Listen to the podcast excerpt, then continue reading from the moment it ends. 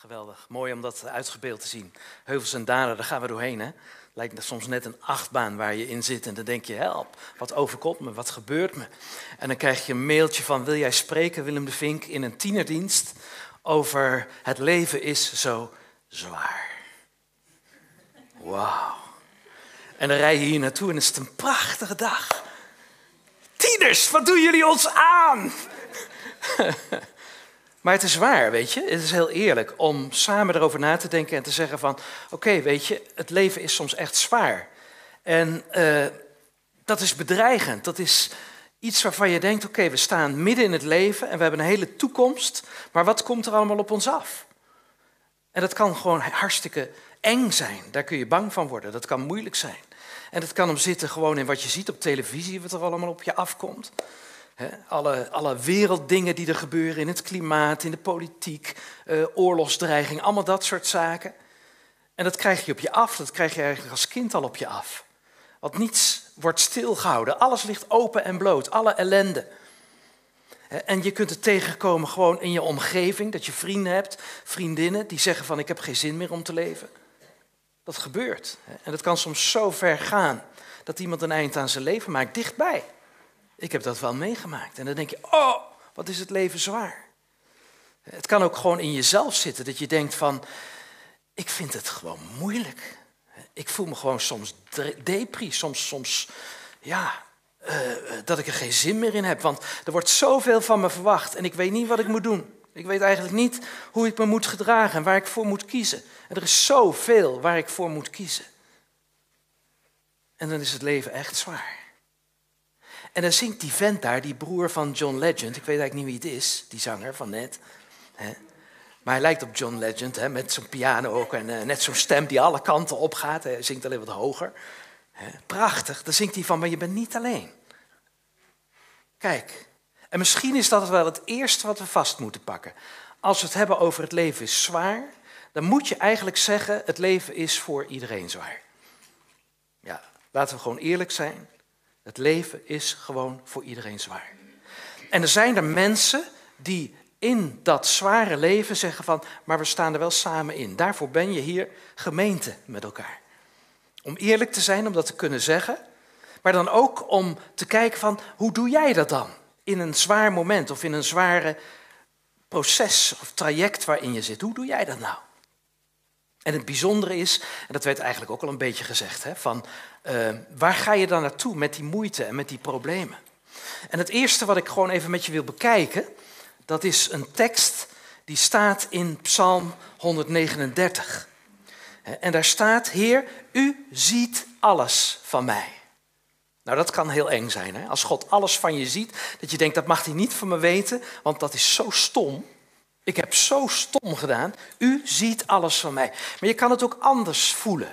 Je kan het ook anders zeggen. Volgens mij is dat iets wat deze psalm ook wil zeggen. Er staat, u ziet alles van mij. U kent mij helemaal zoals ik ben. Dat betekent als je jong bent en er komen allerlei dingen op je af en je moet keuzes maken, je weet het even niet, dat je gewoon tegen God mag zeggen, ik weet het gewoon even niet. En als alles shit is, dat je gewoon kan zeggen, Heer, ik baal, het is gewoon allemaal shit. U weet het toch wel. Ja? Zo kan je met God omgaan. En het is gaaf dat je eigenlijk altijd iemand hebt die in je woont. Er is niemand dichterbij, want God woont in je met zijn geest, met wie je altijd kan praten, ook over dit soort dingen. Dan trek je de deur dicht, laat je even alles uit en zeg God, nou tussen ons. U en ik, u weet hoe ik me voel. En ik wil eerlijk zijn, het is gewoon helemaal niks. Ja, u ziet mij. U kent alles van mij. U weet wie ik ben. En dan gaat het verder, dan staat er, u bent bij mij. U bent naast mij, u bent voor mij, u bent achter mij. Dat is geweldig, hè? Dus God is om je heen, zou je kunnen zeggen. En hij draagt je. Eigenlijk draagt hij ook jouw zwaarte. Het leven is zwaar. Maar God is altijd sterker dan het meest zware wat jij moet dragen. Het verdriet over iemand, de pijn die je misschien zelf ervaart omdat iemand je pijn doet, de zorgen die je hebt over het leven. God kan dat allemaal tillen. God kan dat allemaal tillen. Denk aan Jezus, die is het graf ingegaan en niemand is er dieper gegaan dan hij. En hij tilt alles op. Want hij stond op uit de dood. Dat plaatje mag je vasthouden. En dan staat er, uw hand rust op mij. Nou, dat kan heel eng zijn, hè? Uh, die hand van God. Ah, blijf weg. Ah, nee, ik wil niks met hem te maken hebben. Die hand die steeds dichterbij komt. Maar die hand, er staat, die rust op jou. Weet je wat dat betekent? Dat hoe moeilijk jij het ook hebt, hè, hoe eng jij ook alles vindt, hoe je ook aan het vechten bent over het leven, dat er een hand is die zegt, ik ga met je mee. Ik ben voor je, achter je. En we hebben net al gezegd, ik ben zelfs in je. In het Oude Testament wisten ze dat nog niet zo goed. Want er was altijd zonde die in de weg stond tussen God en jou. Maar Jezus heeft die zonde weggenomen, zodat zijn geest in je kan zijn. Altijd. Uw hand rust op mij. En daar is rust. Dus als je het moeilijk hebt, kun je rust vinden bij God. Ja. Ik woonde in een bijbelschool en dat was een, hele groot, een heel groot gebouw was dat, met een hele grote, uh, uh, hoe noem je zoiets? Zo'n dakgoot, ken je dat? Zo'n dakgoot, waar de regen in stroomt van zo'n dak af. En als ik dan alleen met God wilde zijn, dan was het een heel druk gebouw, maar dan ging ik in die dakgoot zitten. Ik ging er echt in zitten. Voorbij mijn raam, zodat niemand meer, meer zag. En dan was ik alleen met God. Ik herinner me dat ik in de duinen liep, gewoon met God te praten. Of eerder al toen ik nog in de stad woonde, gewoon op de straten in de stad. Ik doe het eigenlijk nog steeds. Gewoon met God praten, alleen met Hem zijn. Hij legt zijn hand op mij. Dat is zo gaaf, want die hand die zegt, ik hou van je, ik weet waar je in zit, maar ik ben erbij, ik geef je rust. Het leven is zwaar, ja, maar God is daarin. Hè? En dan staat er ook, de duisternis kan niets voor u verbergen, voor u is de nacht net zo licht als de dag. En de duisternis betekent niets voor u. Dat is wat. Je kunt je heel duister voelen. Je kunt je omringen met duistere muziek. Of duistere dingen binnenhalen. Of je kamer verduisteren omdat je ontzettend boos bent. Of eigenlijk heel veel pijn voelt of wat dan ook. Het leven is zwaar. En dan zegt God, maakt mij niet uit. In dat duister ben ik net zo licht. Ik kan daar gewoon zijn. Je zou die psalm eens moeten lezen. Psalm 139. Het is een geweldige psalm die trek je eruit. Dus dat is het eerste eigenlijk wat je moet weten. Dat God zegt, ik ben erbij. Ja? En soms is God erbij in mensen. Die om je heen staan. Ook. Dat je het kan vertellen. Dat je kan zeggen, ik vind het leven zwaar. Op dit moment trekken we dat eigenlijk open met dit thema. Want we zeggen eigenlijk tegen elkaar, hier mag je gewoon over praten. Het is eerlijk. Je mag echt zijn. Je mag jezelf zijn. God kent je helemaal. Dus mensen mogen je ook kennen. En daarin legt hij zijn hand op je. Dat is het eerste. Hè? Het tweede, wat we eigenlijk moeten weten, en dat lezen we in Romeinen 8, vers 28, dat is dat God iets wil met het zware waarin je zit. En dat is heel bijzonder. Dat gaat je helpen om zin te krijgen, om er doorheen te gaan. Om te zeggen, ik blijf er niet in zitten, maar ik ga eruit komen. Ja? Ik ga drie dingen zeggen, oké? Dus we zijn nu bij puntje twee. Hè? Dus het eerste is, God is erbij. En het tweede zegt Paulus in Romeinen 8, vers 28, één ding weten wij. Nou, ik zou willen dat als je hier vandaan gaat straks, dat je dat weet. Ik zit in een moeilijke situatie, maar God kan er iets mee doen. Eén ding weten wij. Voor wie Hem liefhebben, laat God alles meewerken voor hun bestwil. Want Hij heeft een plan hey, wacht even. Ik zit in een moeilijke situatie en God wil die moeilijke situatie gebruiken ten goede. Hij wil er iets van maken, van dat moeilijke, dat ik er eigenlijk wat aan heb en dat het past in zijn plan. Dus de moeite die je hebt, dat het leven zwaar is, dat kan je zo vormen, dat kun je, kan je zo pakken dat je zegt, hé, hey, het wordt eigenlijk iets moois. Dat is gek, hè? Het meest moeilijke wat er was in het hele heelal, in alle tijden, onder alle mensen, was één man die zonder zonde was en die alle zonden van de hele wereld moest dragen. Dat is het meest moeilijke. En hij stierf aan een kruis. Dat is pas zwaar. Dan is het leven zwaar. En hij riep, mijn God, waarom hebt u mij verlaten? Nou, dat is het ergste wat je kan zeggen. Dat je van God verlaten bent. En Jezus was van God verlaten, vanwege de zonde. En hij stierf en dan zou je kunnen zeggen, nou is het helemaal afgelopen. Nou is er geen hoop meer, geen redding meer, helemaal niks. En God zegt, ik ga het omkeren en ik ga het voor je eigen bestwil ten goede keren. Dat is wat er gebeurt. Hè? Dus Jezus staat op uit de dood. En wat staat er dan? In Jesaja staat dat Jezus dat deed, zodat het plan van God voortgang kon krijgen. En dan staat erbij, zodat God veel kinderen kon krijgen. En van Jezus wordt gezegd, hij ging dat lijden door, omdat hij wist wat er voor hem lag. En dat gaf hem vreugde.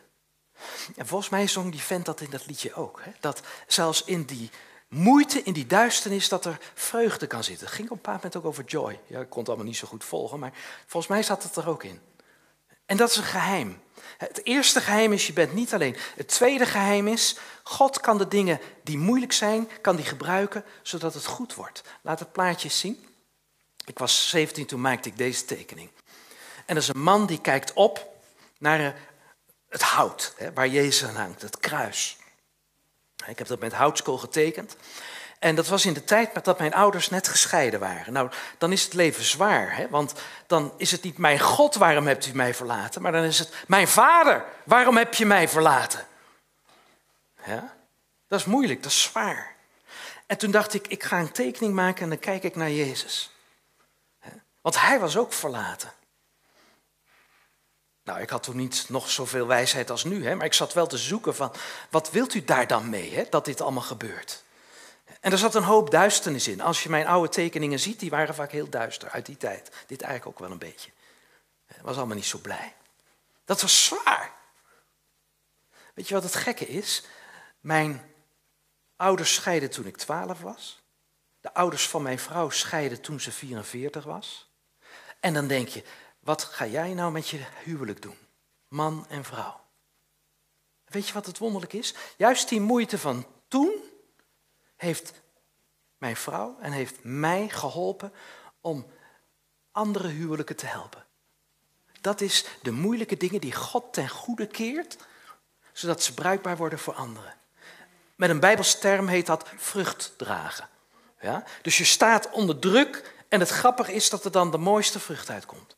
Dus dan kun je in moeilijke dingen kun je dankbaar zijn. Kun je zeggen, God, u gaat daar vast mee, wat mee doen. De moeite en de pijn die ik nu heb, daar kan ik straks anderen mee helpen. Dat is dat God het ten goede keert. Dat is geweldig, hè? En nu is dat niet leuk als je in moeilijke situaties zit, als het leven zwaar is. Maar dan heb je toch iets van hoop, iets van een verwachting. God kan daar iets goeds mee doen. Ja. Mijn schoondochter zei twee weken geleden: Ik heb nou een kleine baby. Ik ben opa. Ik heb nou een kleine baby. Die is nu twaalf maanden, nee, veertien maanden, hè? Net, net een jaar geweest. Zo'n geweldig gaaf kindje. En elke opa vindt dat. En elke moeder vindt dat. Dat zij dat vindt is geweldig. Maar weet je wat ze zei? Ik kan niet snappen dat mijn moeder mij verliet. Ze was twee jaar toen haar moeder haar verliet. Ze heeft nooit meer wat van haar moeder gehoord. Mijn schoondochter. Dus al die jaren heeft ze geleefd zonder een moeder. Ze was zes toen haar vader overleed. In haar armen. Dat is wat? Altijd wees geweest. Dat is zwaar als je zo moet leven. Maar het bijzondere is dat ze zegt, nu ben ik een moeder en ik ga het anders doen. Ik ga het anders doen. Dus de moeite die zij gehad heeft, keert God ten goede en hij geeft de kracht om daar iets moois van te maken. Wij kunnen nooit zeggen, mijn leven is zo zwaar dat er niks meer mee te beginnen valt.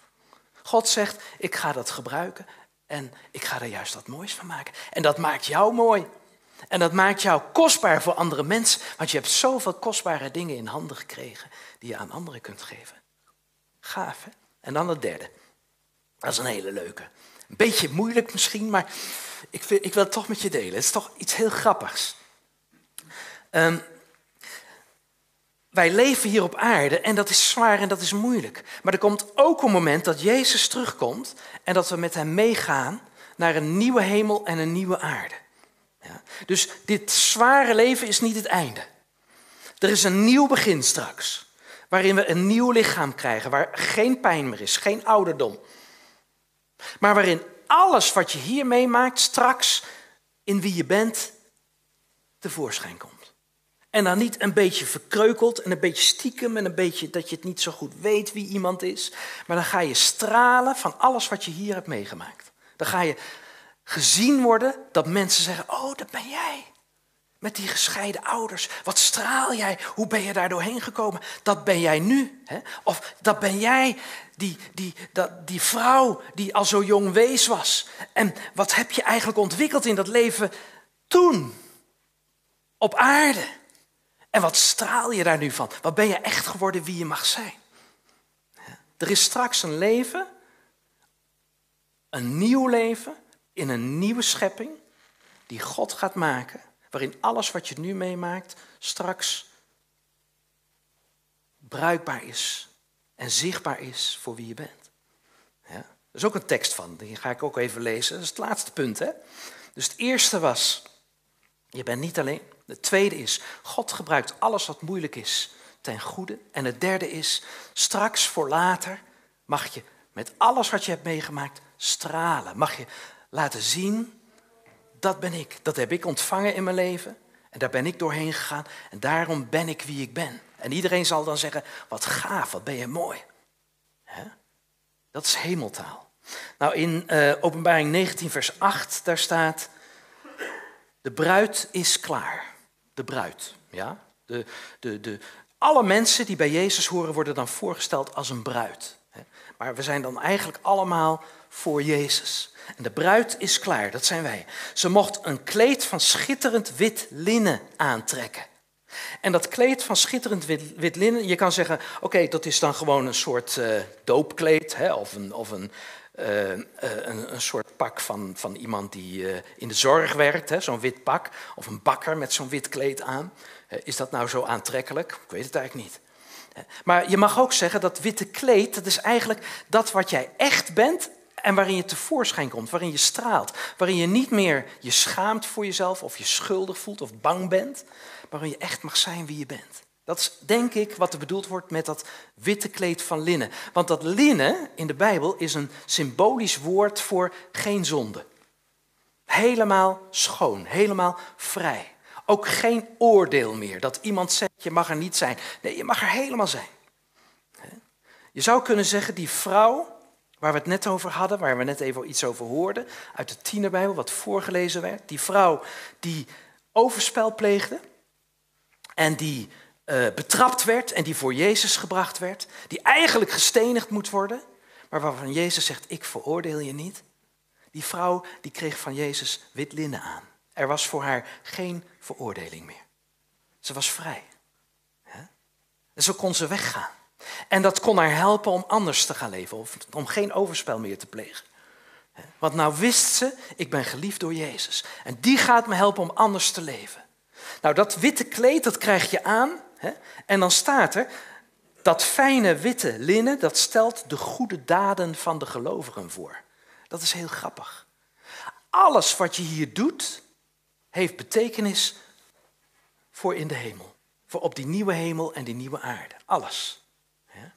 En de Bijbel zegt, daar krijg je een beloning voor. Dus als je nu door moeilijke dingen gaat, win je daarbij straks in de hemel. En die beloning is dat je zult stralen met je eigenheid in een wit kleed en helemaal zult zijn wie jij bent. Ja? Beetje moeilijk, maar snap je het? Dus het eerste was, als het leven zwaar is, je bent niet alleen, God is erin. God is erin. Hij weet ervan. Hij is zelf door die zwaarte gegaan. Dat weten we van Jezus aan het kruis. Tweede is, wat had ik ook alweer gezegd, je maakt moeilijke dingen mee, maar God gaat die gebruiken zodat ze ten goede keren, zodat je daar iets goeds mee kan gaan doen voor anderen. Ja? En het derde is, als je door moeilijke dingen heen gaat, God is daarin.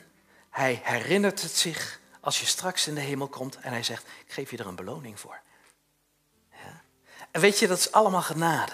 Het is niet zo dat de een dan gaat pronken en gaat zeggen, ik ben trots, want ik ga er doorheen. Ook als het moeilijk is om er doorheen te gaan, dan nog zegt God, ik ben erin.